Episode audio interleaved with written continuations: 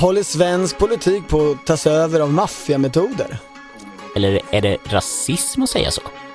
Och så pratar vi om Annie Lööf. Vad finns egentligen kvar när den stora ledaren lämnar Centerpartiet?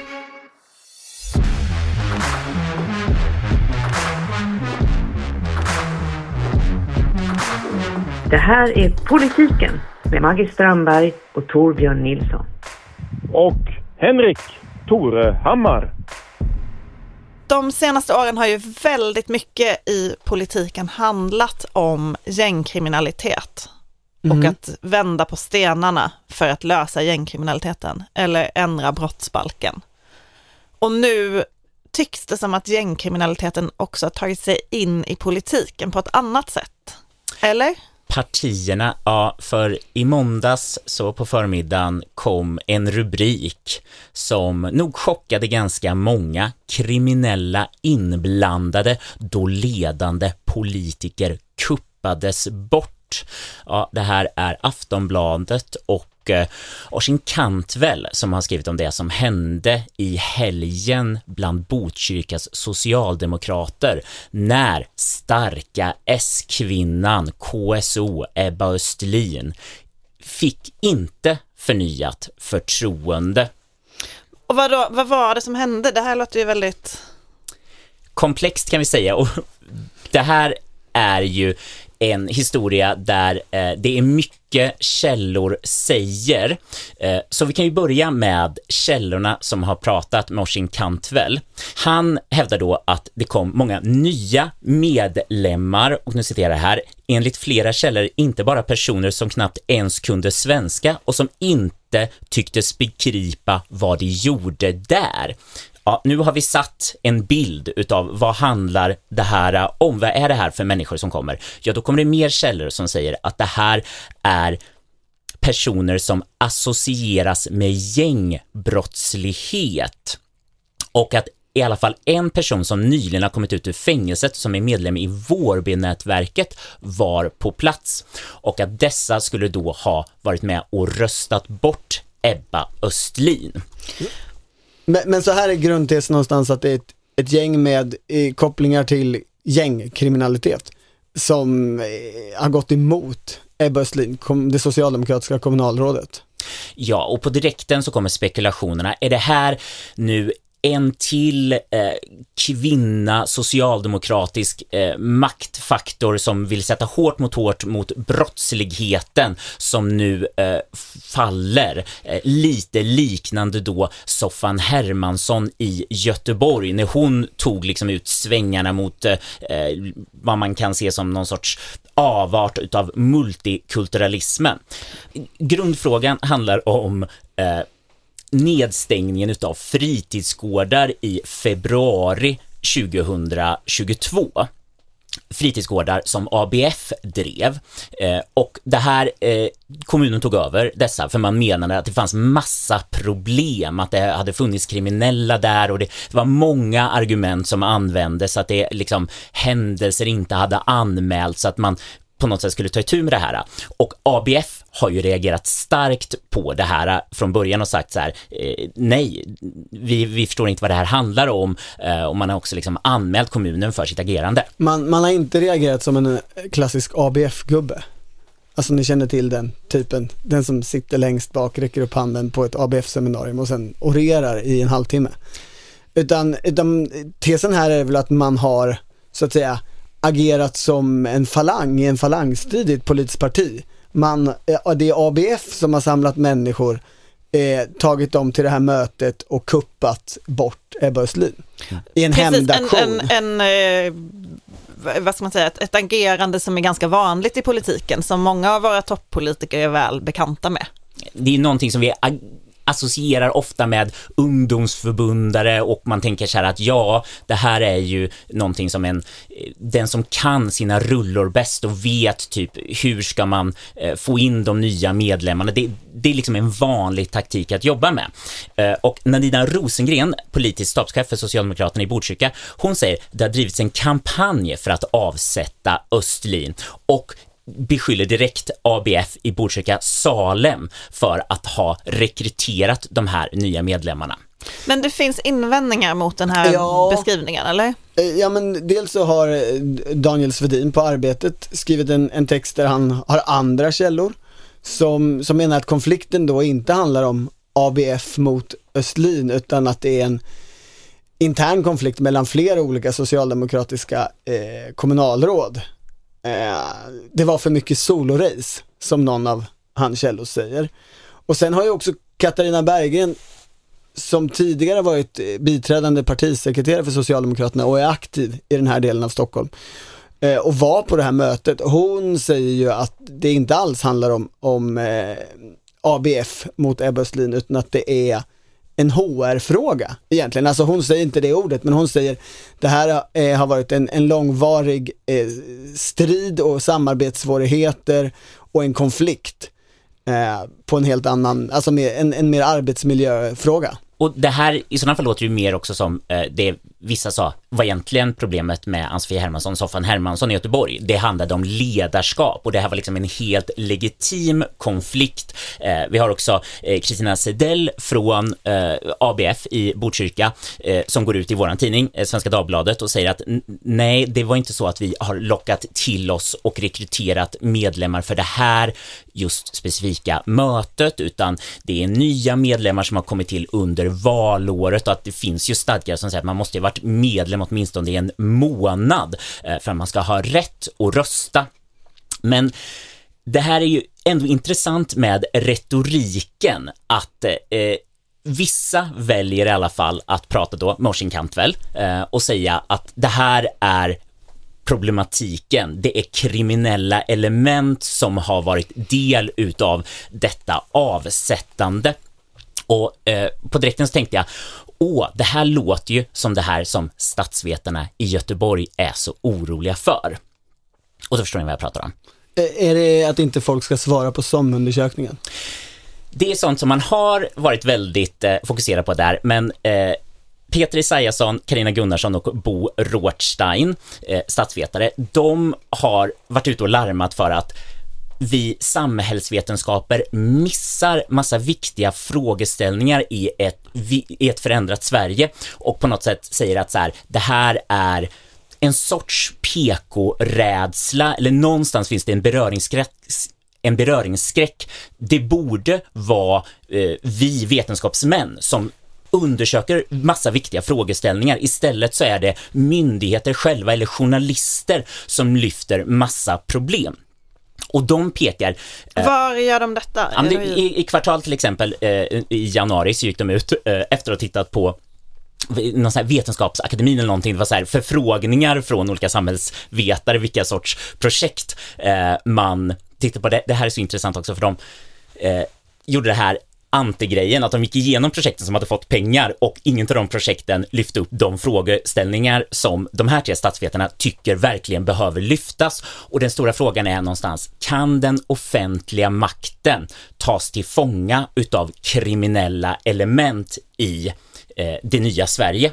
Alltså egentligen maffiastrukturer, för det är ju så, alltså i, i, i riktiga maffialänder, Ja, alltså södra Italien, så är det ju den infiltrationen som är den stora saken, inte kanske kriminaliteten i sig utan att den också övertar så att säga den lagstiftande och kanske framförallt den, eh, de, den, de myndigheter som ska se till att lagar upprätthålls. Det finns väl redan en hel del sådana rapporter som har kommit de senaste åren om att det är så i vissa kommuner. Ja, och det egentligen de lyfter, det är ju så att säga den offentliga makten. Det är ju liksom myndigheter, det är kommuner. Nu är det ju egentligen på en lägre nivå som frågan har lyfts upp om det är ett parti, om partier kan tas över utav kriminella element. Och det här är också någonting som har liksom förekommit för det som vi på något sätt tänker så här, ungdomsförbundare blir ungdomsförbundare och håller på med sina, sina vanliga knep. Eh, det har ju lyfts flera gånger också om eh, när det är nomineringsprocesser på något sätt så här, frågeställningen har varit så här, är det här sanna medlemmar? Är det här riktiga medlemmar eller är det något suspekt som kommer in? Och intressant är det ju i Botkyrka, för vilka är det som styr i Botkyrka? Det är ju nämligen mittenstyret som de kallar sig. Vilka Eh. ingår i detta mittenstyre? Det är Socialdemokraterna, Kristdemokraterna, Centerpartiet, Miljöpartiet och Liberalerna. Men det är oklart hur de här mindre partierna kommer ställa sig till Socialdemokraternas nya ledare, för frågan är ju någonstans så här, går det verkligen att stödja den nya ledaren om det har varit något fuffens i processen? Men det intressanta är också det andra nykomlingspartiet i Botkyrka kommun. Vet ni vilket det är? Nyans! Just det. Just det. Ett utav två kommuner som man kom in i förutom Landskrona, för då kom vi till nämligen partiledaren Mikael Yüksel. Eh, Att det här var ju också en diskussion när han var centerpartist och skulle liksom kom upp väldigt otippat i Göteborg i Centerpartiet. Rickard Nordin var föreslagen som nummer två på listan, eh, men efter nomineringsmötet så knuffas han ner till plats nummer tre eh, och just då uttalar han sig inte mer än att säga att så här, åh, eh, Mikael har varit väldigt duktig på att mobilisera, men det framkom väldigt snabbt de här anklagelserna om att det har varit liksom något suspekt. Vad tog han in för sorts personer som lyfte fram honom till den här positionen? Och sen senare blev han ju utesluten. Logiken du har är ju i grunden obegriplig. Jag har sagt det till dig innan och säger det igen. Logiken du har är ju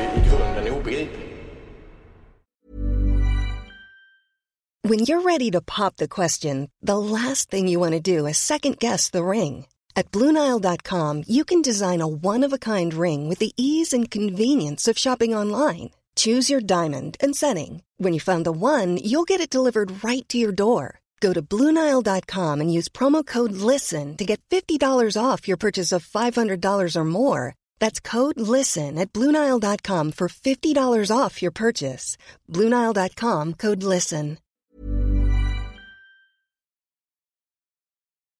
Här får man väl säga, om man ska vara snäll mot de här statsvetarna som kritiserar andra statsvetare, att det, är ju, det här är ju också så att säga ett journalistiskt problem.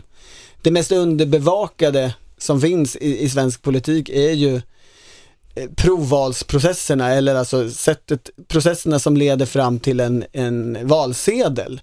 Och de här är ju väldigt svårbevakade för partierna öppnar inte upp där och eh, journalister betraktar inte det som en del utav ja, det allmänheten ska få veta, för det har vi inte gjort historiskt på något sätt.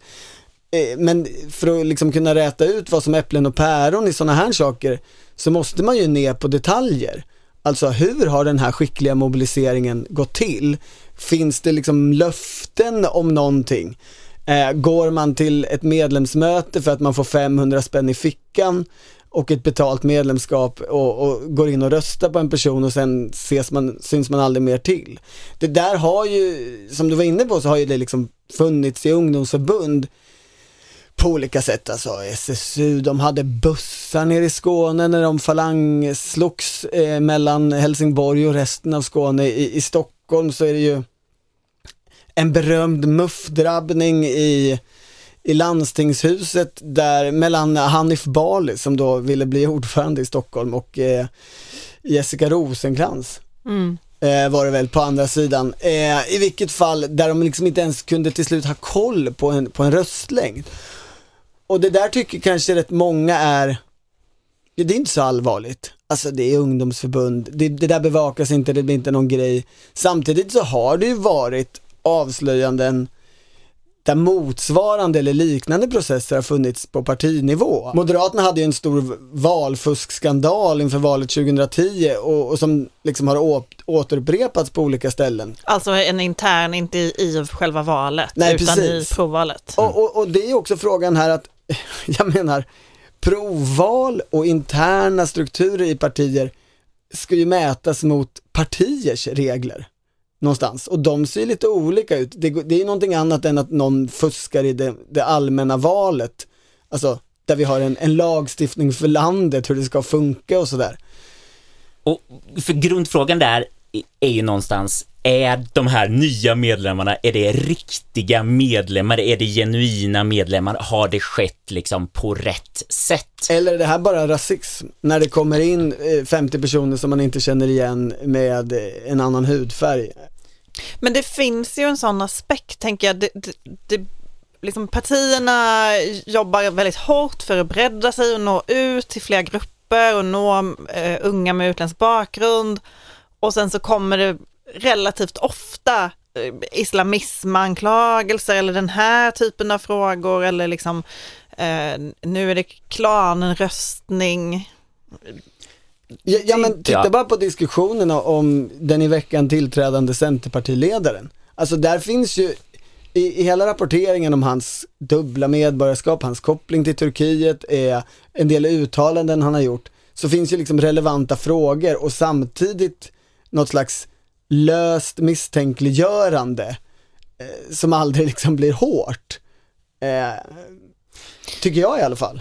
Och, och, och det är ju det som är, som sagt, motargumentet att är det här eh, genuina frågor? Här vet, det är väldigt mycket vi, som vi inte vet om historien i Botkyrka i helgen med sitt historiska förspel eh, för att förstå den på riktigt. Eh, och det kan ju vara så att det, det kanske, nu är det ju statsvetare som då säger så här, ah, eh, det här, vi behöver undersöka det här som vi tror eh, och som kanske också Tove Livendal på vår ledarsida var inne på i sin text i morse, där hon lyfter upp just problematiken om det är så att kriminella elema- element tar över partier. Och hon pekar väl på att just att det finns eh, en historia av att så här har det gått till tidigare i Sverige. Det är ingenting konstigt med detta.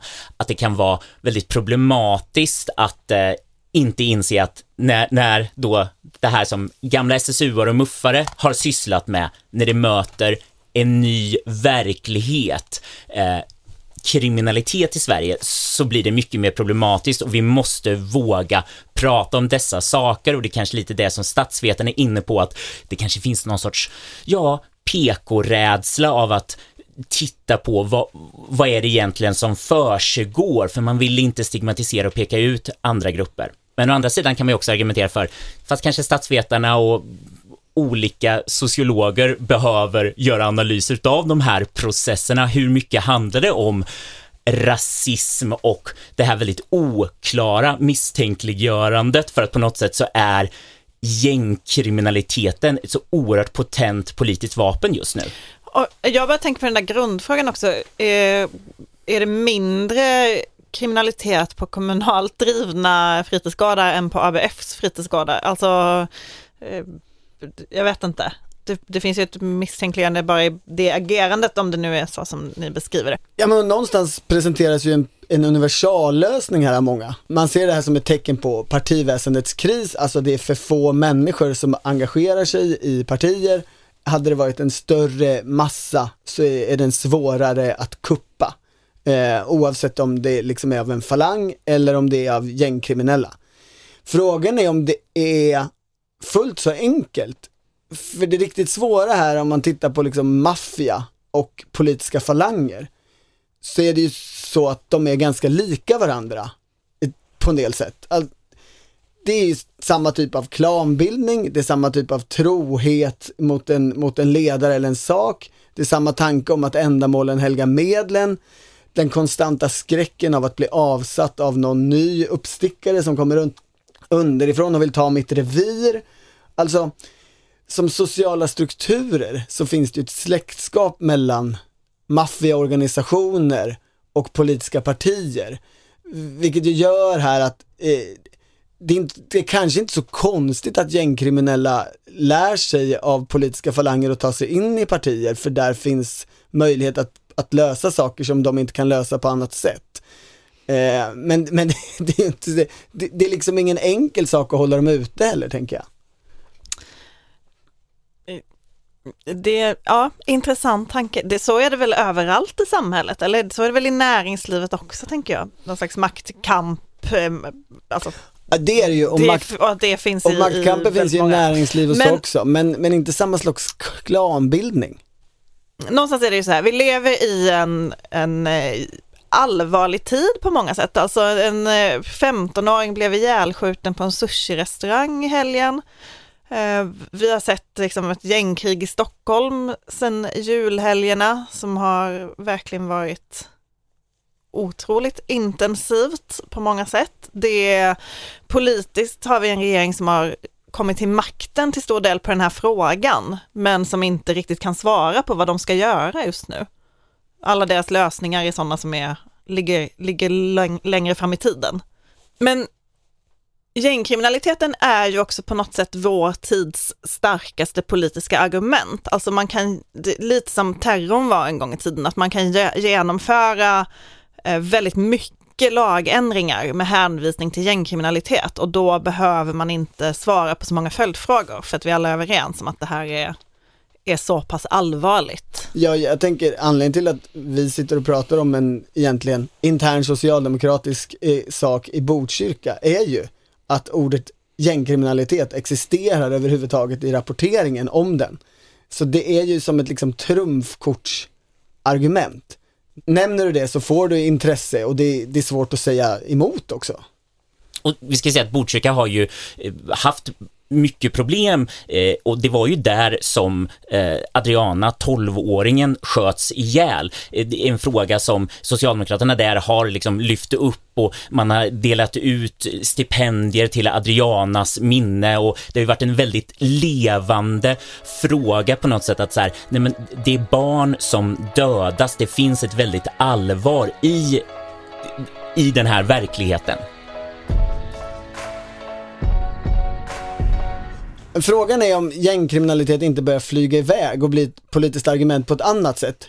Jag vet inte om ni hörde Oskar Stenström, eh, NATO-förhandlaren i radio i helgen. Nu när vi ansöker om att bli medlem i en försvarsorganisation där denna organisation, PKK, hotar Turkiet så behöver ju då Sverige hjälpa till och, då handlar det inte minst om eh, finansieringen av, av PKK. Var kommer de där pengarna från då? Ja, ehm, eh, jag kan inte gå in på det exakta arbetet och det ska myndigheten svara om. Men vi vet att det, till skillnad mot, mot Finland så har vi en, en, en större andel av finansieringen av, av PKK från, från Sverige. Och här finns det också ett gränsland ska jag säga mellan eh, finansiering av terrorism och grov organiserad brottslighet. Till att börja med så är det så spännande att Oskar Stenström sitter i Gomorron Världen och pratar och låter sig intervjuas. Det här är ju en tidigare statssekreterare hos Magdalena Andersson, nu han, har han titeln ambassadör eh, hos Ulf Kristersson med egentligen i princip samma arbetsuppgifter vad gäller NATO-processen. Det är ju en person som på klassiskt tjänstemannasätt har hållits i bakgrunden. Eh, inte den som ska föra ut Sveriges position eller regeringens talan eller tänka högt och regeringens vägnar. Men nu kunde han inte säga nej när han fick frågan från Gummanvärlden. Alltså eh, utrikesmänniskor, eh, människor i utrikesförvaltningen älskar ju P1-programmet Gummanvärlden. Jag har jobbat där så jag vet, jag vet hur det är. Eh, de är primär ehm, målgrupp. De säger inte nej när frågan kommer. Fast sen var han också i Efter fem i TV4 hos eh, Tilde de Paula. Det tror jag inte är utrikesförvaltningens favoritprogram. När jag uppfattar det och, och, och pratar man med källor i regeringskansliet så finns det ju faktiskt en, en del som säger att jo, men vi har nog kanske gjort en miss i NATO-processen. Nämligen att vi har inte motiverat för svenska folket varför det här memorandumet är viktigt, varför de här punkterna om skärpt terrorlag, att PKK är enligt Sverige en, en terrororganisation med stora problem. Vi har inte motiverat så att säga, vi har inte skapat ett problem som eh, alla inser att vi måste lösa i, i det här avtalet med Turkiet. Alltså kort sagt, vi har inte förklarat för svenska folket att Turkiet har ju en del poänger här och därför ska vi ju gå dem till mötes. Så och det är det... så vi ska förstå eh, Stenströms medverkan i Godmorgon Världen? Ja men och det man då eh, gör är att man kopplar ihop PKK i Sverige med gängkriminalitet och specifikt nämner man då den här kurdiska räven så kallade, som ju rapporteras nu som en av de som är i topp och strider om droghandeln i Stockholm och ett av skälen till att det nu har eskalerat så mycket här. Han är ju då, lever nu i Turkiet men sägs då kontrollera ja, det men... därifrån. Och det är ju så eh, spännande. Man får väl säga, ändå säga att hittills har ju inte regeringen presenterat så starka belägg för kopplingen eh, gängkriminaliteten och PKK, de, de kanske finns men man har inte, de fick också väldigt mycket kritik från vänster, eller Oskar Stenström fick mycket kritik från vänsterhåll när han var ute och sa det här för att de tyckte att det här var så, att det var extremt att prata på det sättet utan att belägga. För det, det blev ju på direkt så här, rubriker i turkisk media om att eh, svensken erkänner det K... PP, KK, PKK. PKK finansieras utav gängkriminella aktiviteter. Eh, och jag, jag undrar, det här med, sa vi inte att de skulle göra förståelse för terrorfrågan? Eh, det Ja, här- men det är ju ja. just det som är så spännande. Regeringen, uppfattar jag, intar en, en, en ny position eh, i sin kommunikation. Man skickar fram Oskar Stenström. Och han ska i någon mening förklara, PKK är en hemsk terrororganisation och farlig på riktigt. Men det duger så att säga inte med terror. Utan argumentet blir gängkriminalitet.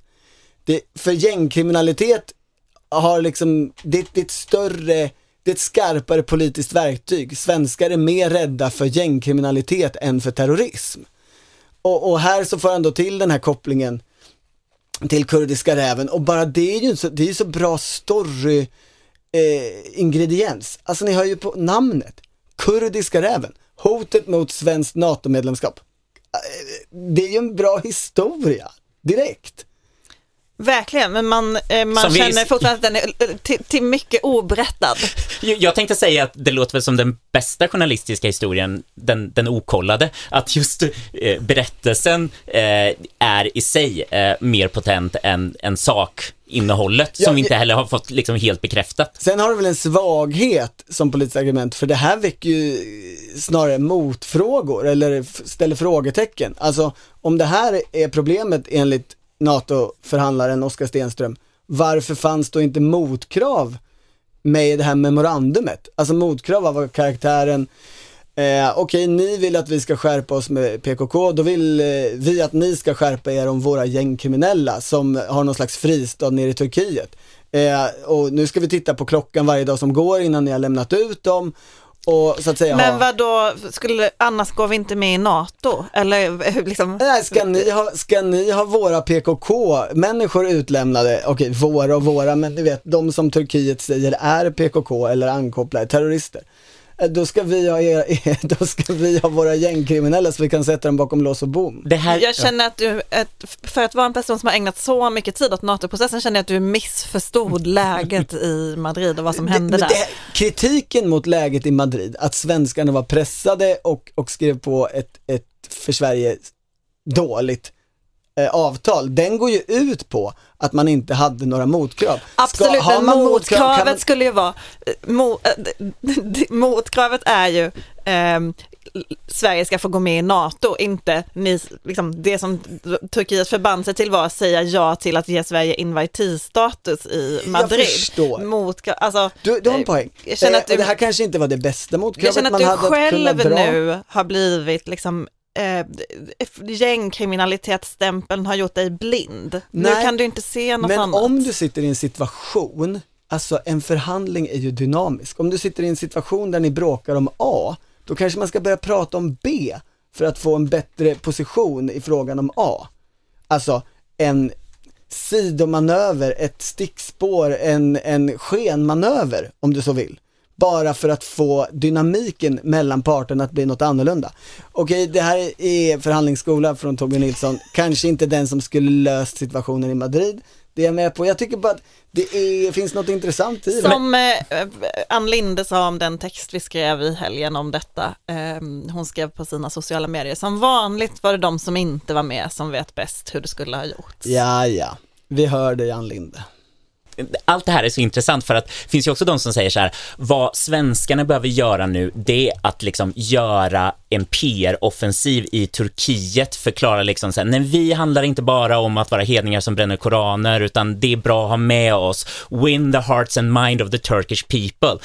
Nu är det istället regeringen som inser så här, nej vi ska inte vinna turkarnas hjärta, utan vi ska mer förstå förstöra något sorts liksom så här PKK-rykte i Sverige. Vi måste liksom angripa och smutsa ner dem, men då gör man det inte med det som huvudfrågan handlar om, terror, utan man tar det ännu starkare svenska vapnet. De kan ha koppling till gängkriminalitet. Nej, nej, nej, nej. Nej, nej, nej, nej. Så går det inte till. Välkommen till verkligheten.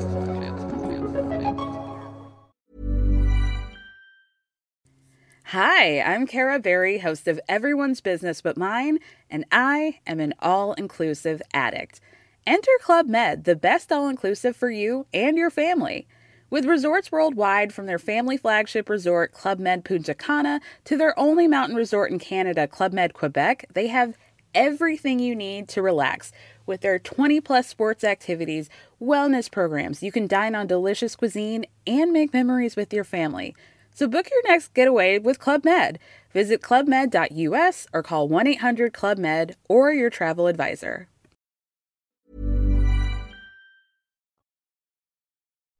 Hörni, lyssna på det här. Det är svårt att eh, inte bli berörd av att stå här idag. Den sista partiledardebatten i riksdagens kammare och det finns mycket att säga. Det här är partiledardebatten för några veckor sedan i Sveriges riksdag. Eh, man skulle ju också som om man var Annie Lööf kunna sagt att det är min sista partiledardebatt, men i Annie Lööfs universum så är det den sista partiledardebatten. Alltså- Nå, för, för de kommer ju fortsätta även efter att Annie Lööf slutar som partiledare den här veckan. Maggie, Maggie, Maggie, du har ett problem och det kallas att du inte är en generös lyssnare. Du anmärker på ord när man måste ju vara med och ge the benefit of a doubt. Alla fattar ju att hon menar att det är hennes sista debatt. Det är liksom, hon, nej, sluta jo, nu. Absolut, absolut så fattar man ju kanske det. Och det är ju vanligt att i, den sista partiledardebatten så, så har, har, man en liten avtackning där partiledaren tackar riksdagen och vakterna och matsalspersonalen och, och så eh, säger de andra snälla saker tillbaka. Men, Men det, liksom, det säger ändå någonting om eh, Annie Lööf tycker jag, att hon använder ordet, eller begreppet det här är den sista partiledardebatten. du tänker att det inte, ingen annan partiledare skulle göra den felsägningen? Om vi utgår nu Det och är har ju- snälla och säger att det är en felsägning. Det har ju varit en typisk Annie Lööfsk eh, medietid de senaste veckorna där hon, hon är ju väldigt skicklig på att lägga upp mediestrategi och eh, synas överallt på samma gång och vara i... Hon, Alltså hon hennes ju, avskedsturné. nu har hon ju gjort en avskedsturné och då har det slagit mig, den inleddes ju på sätt och vis med Min sanning, som ju hon ju fick mycket beröm för att det var väldigt starkt och så. Eh, och det brukar ju Min sanning vara, men sen har det slagit mig att alla, nästan alla intervjuer hon har gjort efter Min sanning har också varit Min sanning. De har handlat väldigt mycket om Annie Lööf personen, eh, den svåra tiden, eh, de hemska sakerna hon har varit med om, hot och hat och hur hon känner för att inför att Annie Lööf, personen, partiledaren, ska sluta.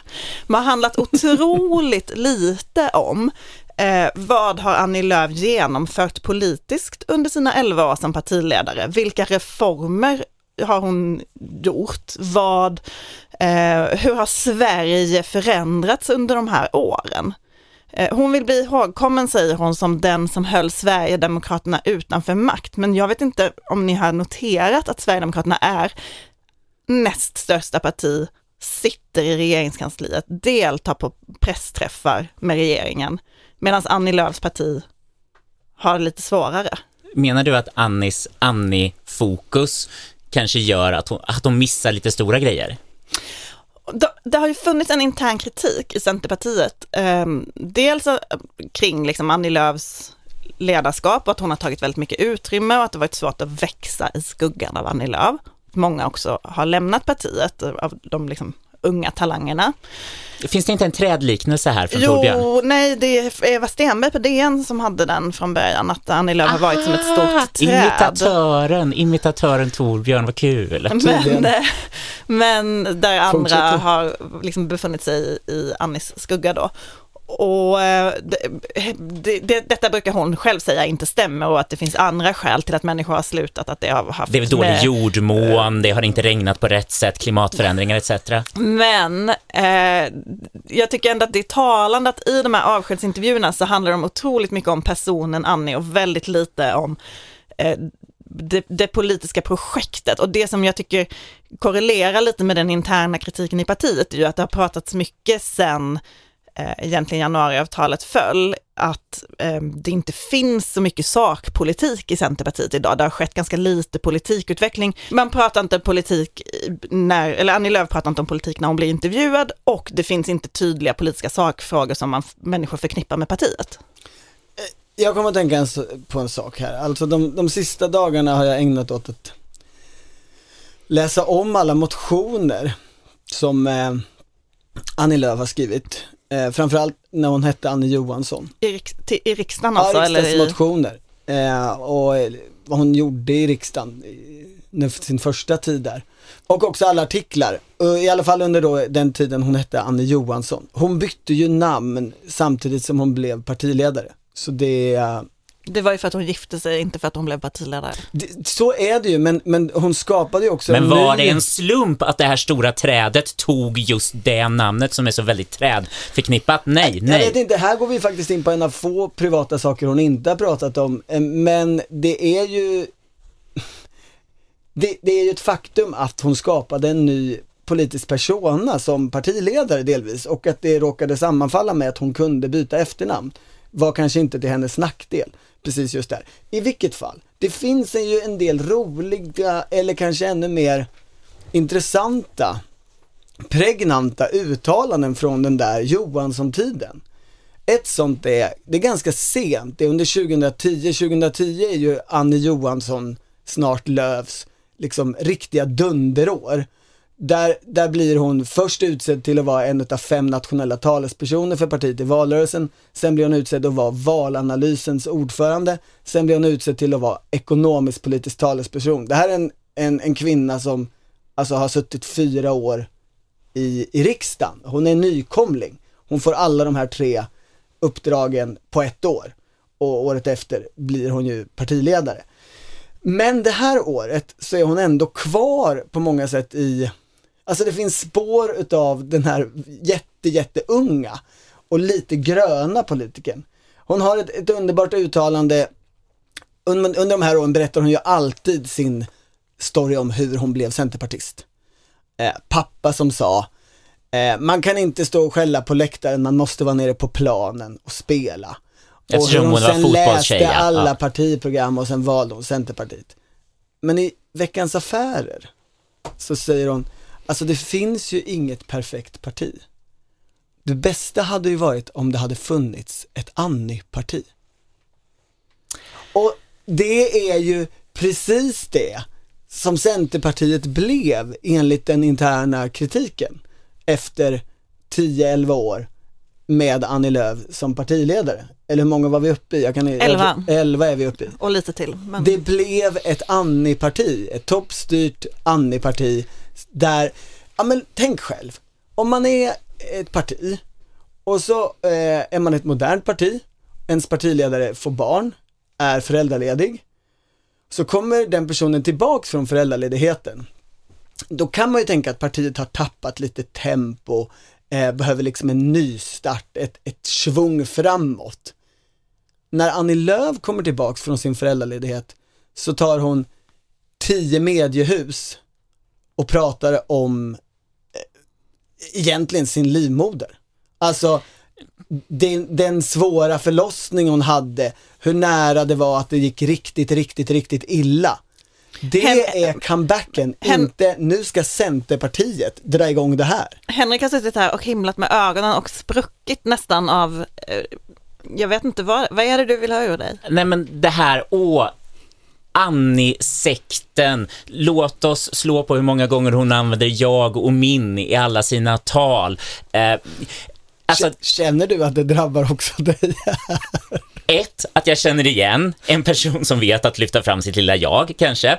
Men framför allt, är det inte media som ni är arga på? Varför pratar hon om de här sakerna? För det finns ett sånt stort intresse. Och vad är det orimliga i att personliga upplevelser som att jag höll på att förlora livet, mitt barn, liksom föddes för tidigt. Vi var oroliga för att hon skulle överleva.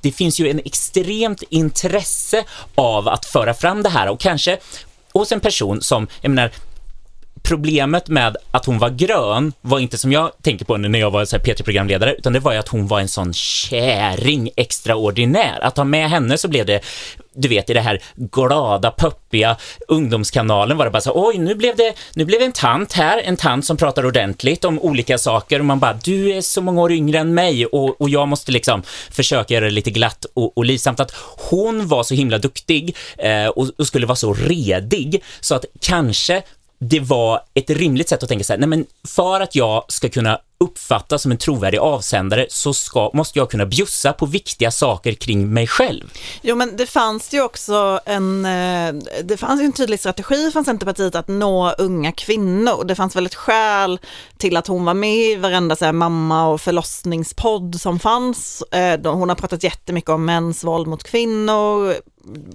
så det fanns väl någon slags eh, politisk tanke där omkring. Men visst är det så att... att det där är faktiskt spännande i, i, i förändringen från Johansson till Löv.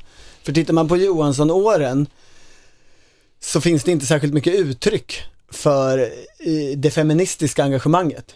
Hon var säkert lika engagerad i det då, men om du tittar i vad output politiskt, debattartiklar, motioner, den typen av saker, så är det inte alls lika starkt och dominerande som det sen blev framförallt under andra halvan av partiledartiden. Nu säger ju också Annie Lööf att eh, hennes förklaring till att det gick så pass dåligt i, i hennes sista val var att Magdalena Andersson blev partiledare och lockade de här kvinnorna och att Magdalena Andersson också var bättre eller liksom, eh, kanske uppfattades som trovärdigare i sitt avståndstagande mot Sverigedemokraterna eller som en tyngre röst i det. Och det är ju, det tycker jag också är hon sa det i P1 Morgon i morse, och det säger ju någonting om vad Centerpartiet ägnade sin valrörelse åt. Personen och kvinnan Annie Lööf och anti-SD. Men inte så mycket mer. Ja, men du, du har ju en ursprungsfråga som hänger ihop med det. Alltså, vad har Centerpartiet egentligen lyckats uppnå under den här epoken? För, för det är ju en epok och hon kommer ju liksom var en stor centerpartiledare i historieböckerna, tänker jag. Varför pratar hon inte om eh, reformeringen om LAS eller Arbetsförmedlingen eller något hon gjorde som näringsminister? Ja men på något sätt så är det kanske att det är ju för dig de enda segrarna. Alltså tittar man på tiden när hon kom in i politiken och blev partiledare och tiden nu så är det ju mest av allt nederlag för Centerpartiet och för centerpartistiska idéer. Alltså, kommer ni ens ihåg hur det var eh, under, under liksom den frihetliga eran i svensk politik? Ja. När, när, gör ni det? Alltså när Annie Lööf blev, blev politiker och känd och så småningom partiledare, då var ju, alla ville ju vara mest liberala. Det var ju trycket. Okej, Fredrik Reinfeldt ville inte det, men han, han var liksom statsminister. Rörelsen i politiken var ju integritet. Ja, Niklas Wikman ville ju det som var ungdomsförbundsordförande. Det var ju liksom, det var integritet, det var hela FRA-frågan. Alltså vi hade Bodströmsamhället som alltså gick ut på att borgerliga partier kritiserade socialdemokrater för att de var för repressiva mot buset. Eh, det är ju inte som liksom Gunnar Strömmer-samhället, det är ju något helt annat samhälle idag. Eh, vi hade att invandring liksom var lösningen. Eh, Annie Lööf kunde ju stoltsera med Värnamo-modellen som var en jättefin eh, integrationssak där folk fick jobb. Idag, vad är Värnamo idag? Idag är Värnamo en plats för liksom skjutningar och gängkrig, precis som alla andra ställen i Sverige i princip. Alltså, det enda Stureplanscentern på riktigt fick igenom på den här stora, stora opinionslyftet liksom, de gjorde i slutet av 00-talet, det är ju uppluckringen av LAS. Reformeringen av Arbetsförmedlingen. Har den verkligen hänt? Nej. Eller, Vad okay, är en status på, på den? Nå någon borde inte. ringa på detta. Men liberalismen har ju förlorat under det att Annie Lööf satt där som grindvakt. Jag säger inte att det är hennes fel, hon kanske inte kan stoppa liksom Är det verkligheten som har mött liberalismen? Men på, på det sättet är det ju ganska likt liksom, när man summerade Gustav Fridolin. De är ju årsbarn också, alltså de är ju Ja. lika gamla. När man summerade hans språkrörstid som också var, han hade ju suttit i åtta år, då kunde man ju också säga, ja visst han kunde ju peka på ett antal saker kanske som han hade genomfört, men hela samhällsutvecklingen, hela det politiska samtalet hade ju gått i motsatt riktning mot vad han önskade när han kom in. Ja, men, Och det, kan, man mä, kan, man mäta ett, eh, kan man mäta en politisk karriär efter det, eller är det bara omständigheterna?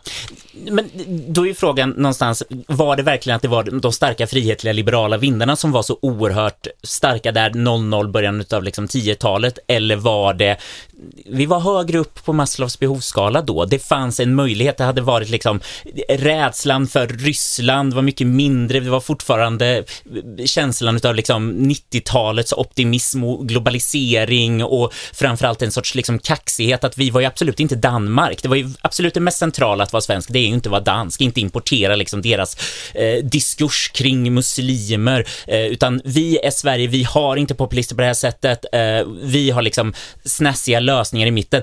Nu har verkligheten förändrats och då ändrar sig politiker och deras liksom budskap. Ja, alltså med Maslows behovstrappa så tänker jag att man kan ju ta, vad är en centerpartistisk Maslows behovstrappa? Jo, den är ju, Strandskydd. eh, till att börja med, ja, till att börja med så måste jordbruket fungera. Sen måste skogsbruket fungera. Sen måste folk få bygga nära sjöar och kunna leva på landsbygden i största allmänhet. Det är ju det grundläggande. Därpå har man adderat eh, ett omfamnande av liberalismen eh, som idé och blivit ett idéparti. Det, det är det som har hänt de här 20 åren liksom. I, också innan Annie Lööf, eh, måste man ju säga. Okej, hur ligger det till då med de grundläggande sakerna när Annie Lööf slutar? Alltså, just nu så håller ju miljöpartister i Bryssel på att ta över eh, skogspolitiken och, och lägga om den fullständigt. Det, detta sker alltså under, eller har skett, under den tiden som Annie Lööf var satt som skyddsvakt och grindvakt. Det mest grundläggande av liksom intressepolitik som ändå finns kvar i det här gamla intressepartiet som blev ett ideologiskt parti. Men för att det är så mycket enklare att låta Bryssel ta de här jobbiga besluten så att man kan skylla på någonting. Att politikerna är lite så här typ, vi vet vad vi behöver göra för klimatet, men det blir alltid någon som röstar fel då om det här ska vara en lokalfråga. Så om vi bara kan säga så här, nej men Bryssel har bestämt, ja ja, vi, det, det är liksom, det är inte bara Miljöpartiets fel, det är ju alla partier som bara skjuter ja, bort det. eller då om man ska vara riktigt skarp, Klimatets fel. eh, har det ägnats för mycket energi åt Annie-partiet och för lite energi åt behovstrappan, den centerpartistiska första trappsteget? Jordbruk, skogsbruk, leva på landet. På Okej, riktigt. jag älskar att bara vara liksom så här Löfs advokat här åt juristen Löf själv. Men jag känner att du, tar det, du har stort engagemang i Ja, den men här jag rollen. tror eh, att, för för jag märker, här finns det eh, många eh, attacker här och då får jag försöka vara den andra sidan. Kommer ni ihåg vad som händer om man låter centerpartister skriva sina egna idéprogram?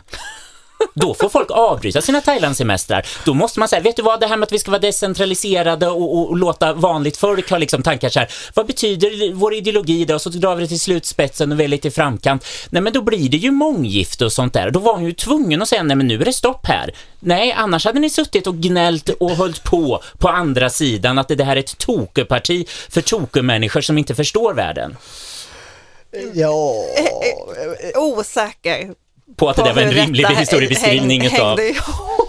nej men, det, Men, Men att hon tog kontroll Jo, jo. över sitt parti. absolut, men hon tog ju inte kontroll över sitt parti i, i den fasen genom att, att prata om sig själv och sin familj. Det kom ju senare. I den fasen handlade det ju om att kalla sig socialliberal och börja klä sig på ett nytt sätt. Du säger ofta saker, men sen så gör du ju någonting annat. Någonting annat. Ja, det, rikt- det riktiga skapandet av, av Annie Lööf-karaktären, det är ju boken, eh, Sanningens ögonblick, som behandlar den här eh, havererade processen kring idéprogram och så. Där det också finns ett kapitel om eh, den, den första föräldraledigheten och första dottern som ju också eh, föddes för tidigt men under mindre dramatiska omständigheter. det karaktäristiska, det är lätt att bli ytlig fast man kritiserar ytlighet här kanske. För Annie Lööf var ju på riktigt banbrytande som politisk karaktär, alltså i hur hon var politiker. Det, okay, det har På funnits, vilket sätt? Ja men det har funnits Mona Sahlin innan och det är på ett ganska liknande sätt. Eh, men Maud ingen- Olofsson? Nej, inte alls. Karin Söder? Nej men Eh, förlåt, nej, men inte det alls kan ni, det måste definiera, ingen Ja, jag förstår vad du menar. Ja, ja, om jag får prata. Jag menar som influencer, som sättande av jag i centrum. Eh, att, att ha ett helt annat språk kring sig själv. Den enda tidigare som var i närheten var ju Mona Sahlin, men, men det liksom hade Ursäkta, inte sociala Gudrun medier. Schyman? Okej, Schyman också. Ja. Men eh, sociala medier-utvecklingen och liksom, och kanske att det är en borgerlig politiker, en tanke som jag aldrig tänkt innan, tänker högt, gör, skapar ju något helt nytt. Jag menar, där är ju Ebba Busch bara en kopia egentligen av Annie Lööf.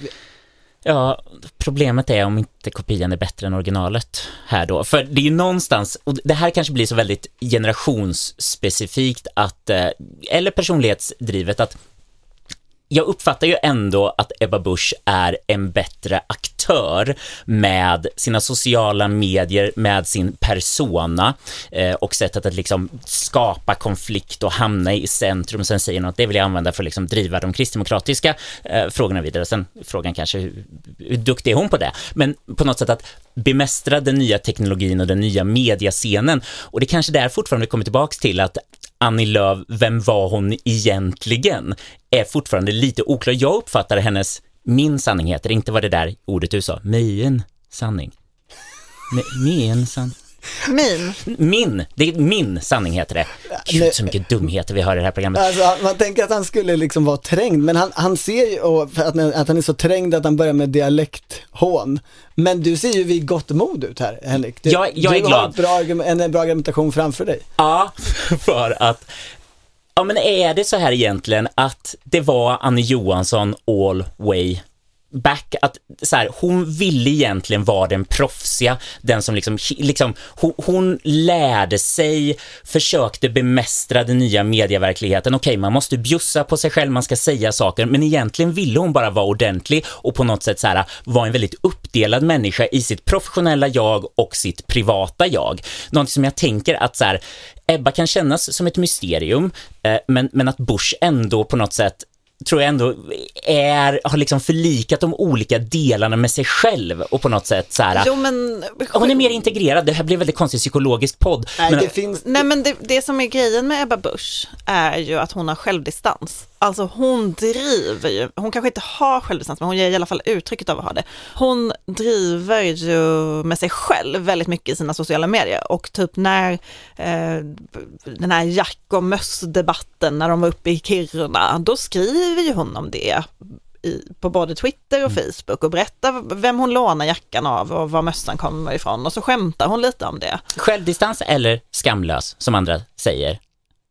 Ja, men Annie Lööf skulle ju aldrig till exempel skämta om att hon eh, sa det här är den sista partiledardebatten i svensk historia. Istället för att säga nu är jag i riksdagens talarstol för sista gången. Alltså hon skulle aldrig, hon skulle aldrig ta sig till Men till, till, till att titta på sig själv utifrån Mm. och se, det här är ju lite konstigt det jag ser. Men, men blir det kanske ändå inte en sorts dubbelbestraffning här som, som kanske också blir extra stark i fokus på en, en kvinna i offentligheten. För att på något sätt, man blir, man blir arg när hon gör saker som enligt hennes demografiska profil är väldigt vanligt, prata om jag, mina, referera till sig själv. Eh, man blir arg när hon ska lyfta fram de här personliga sakerna som eh, skapar engagemang, oftast på sociala medier, skulle kunna vara ett sätt att knyta an till eh, nya väljare, höra politik på ett nytt sätt. Man blir arg på när det är hennes ansikte hela tiden, fast liksom personliga varumärken är ett väldigt vanligt sätt att bedriva politik över hela världen.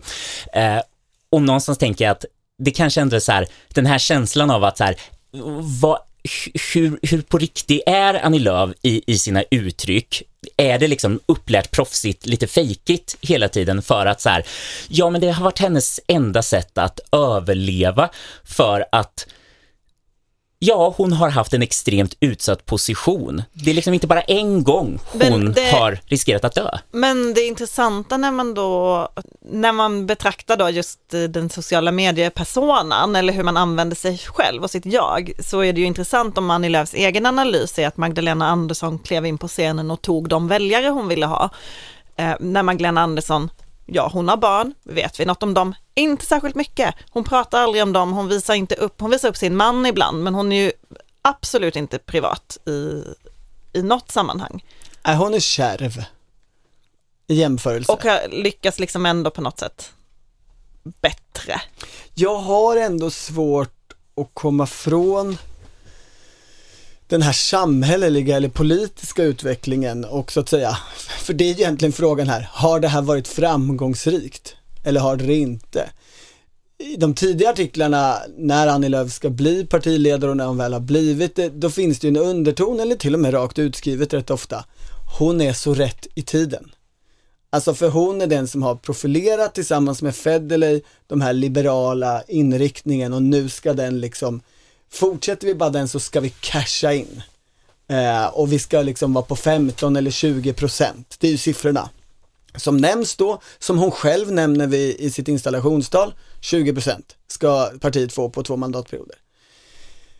Sanningen är ju att liksom under den här tiden så kommer en stockkonservativ våg in och dödar det mesta av liberalism och det som den inte dödar, dödar en vänstervåg. Alltså här har vi en situation, hon ska ner till Helsingborg och Muharrem Demirok ska eh, ta över hennes position och det han har sagt hittills är att han tänker gå vänsterut på något sätt, inte, inte hur mycket, i skolfrågan. Alltså kärnan i det gamla valfriheten liksom, det här liberala som hon kom med var ju, bort med DDR i Sverige. Man måste få välja vilken skola man ska gå på. Och det är dött idag.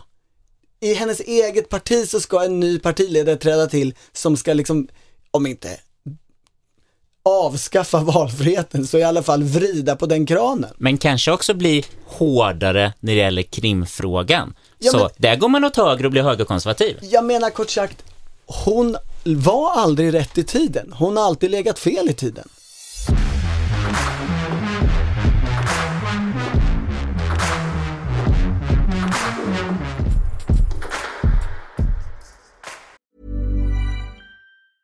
Hi, I'm Dori Shafrir. And I'm Kate Spencer. And we are the hosts of Forever 35. And today we're talking about Club Med, the best all inclusive getaway for families. Today, Club Med has nearly 70 resorts worldwide, from beachside resorts in the Caribbean and Mexico to magical locations in the Maldives and Morocco to ski resorts in the mountains from Canada to the Alps. Between their all inclusive family programming, wellness offerings, land and water sports, and their French heritage inspired food and drink offerings, Club Med is the best way to elevate your family getaway, no matter which location you're at.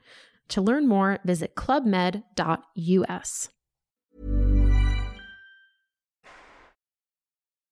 Du har lyssnat på Politiken, en podd från Svenska Dagbladet. Producent Mattias Dellert och ansvarig utgivare Anna Karleborg.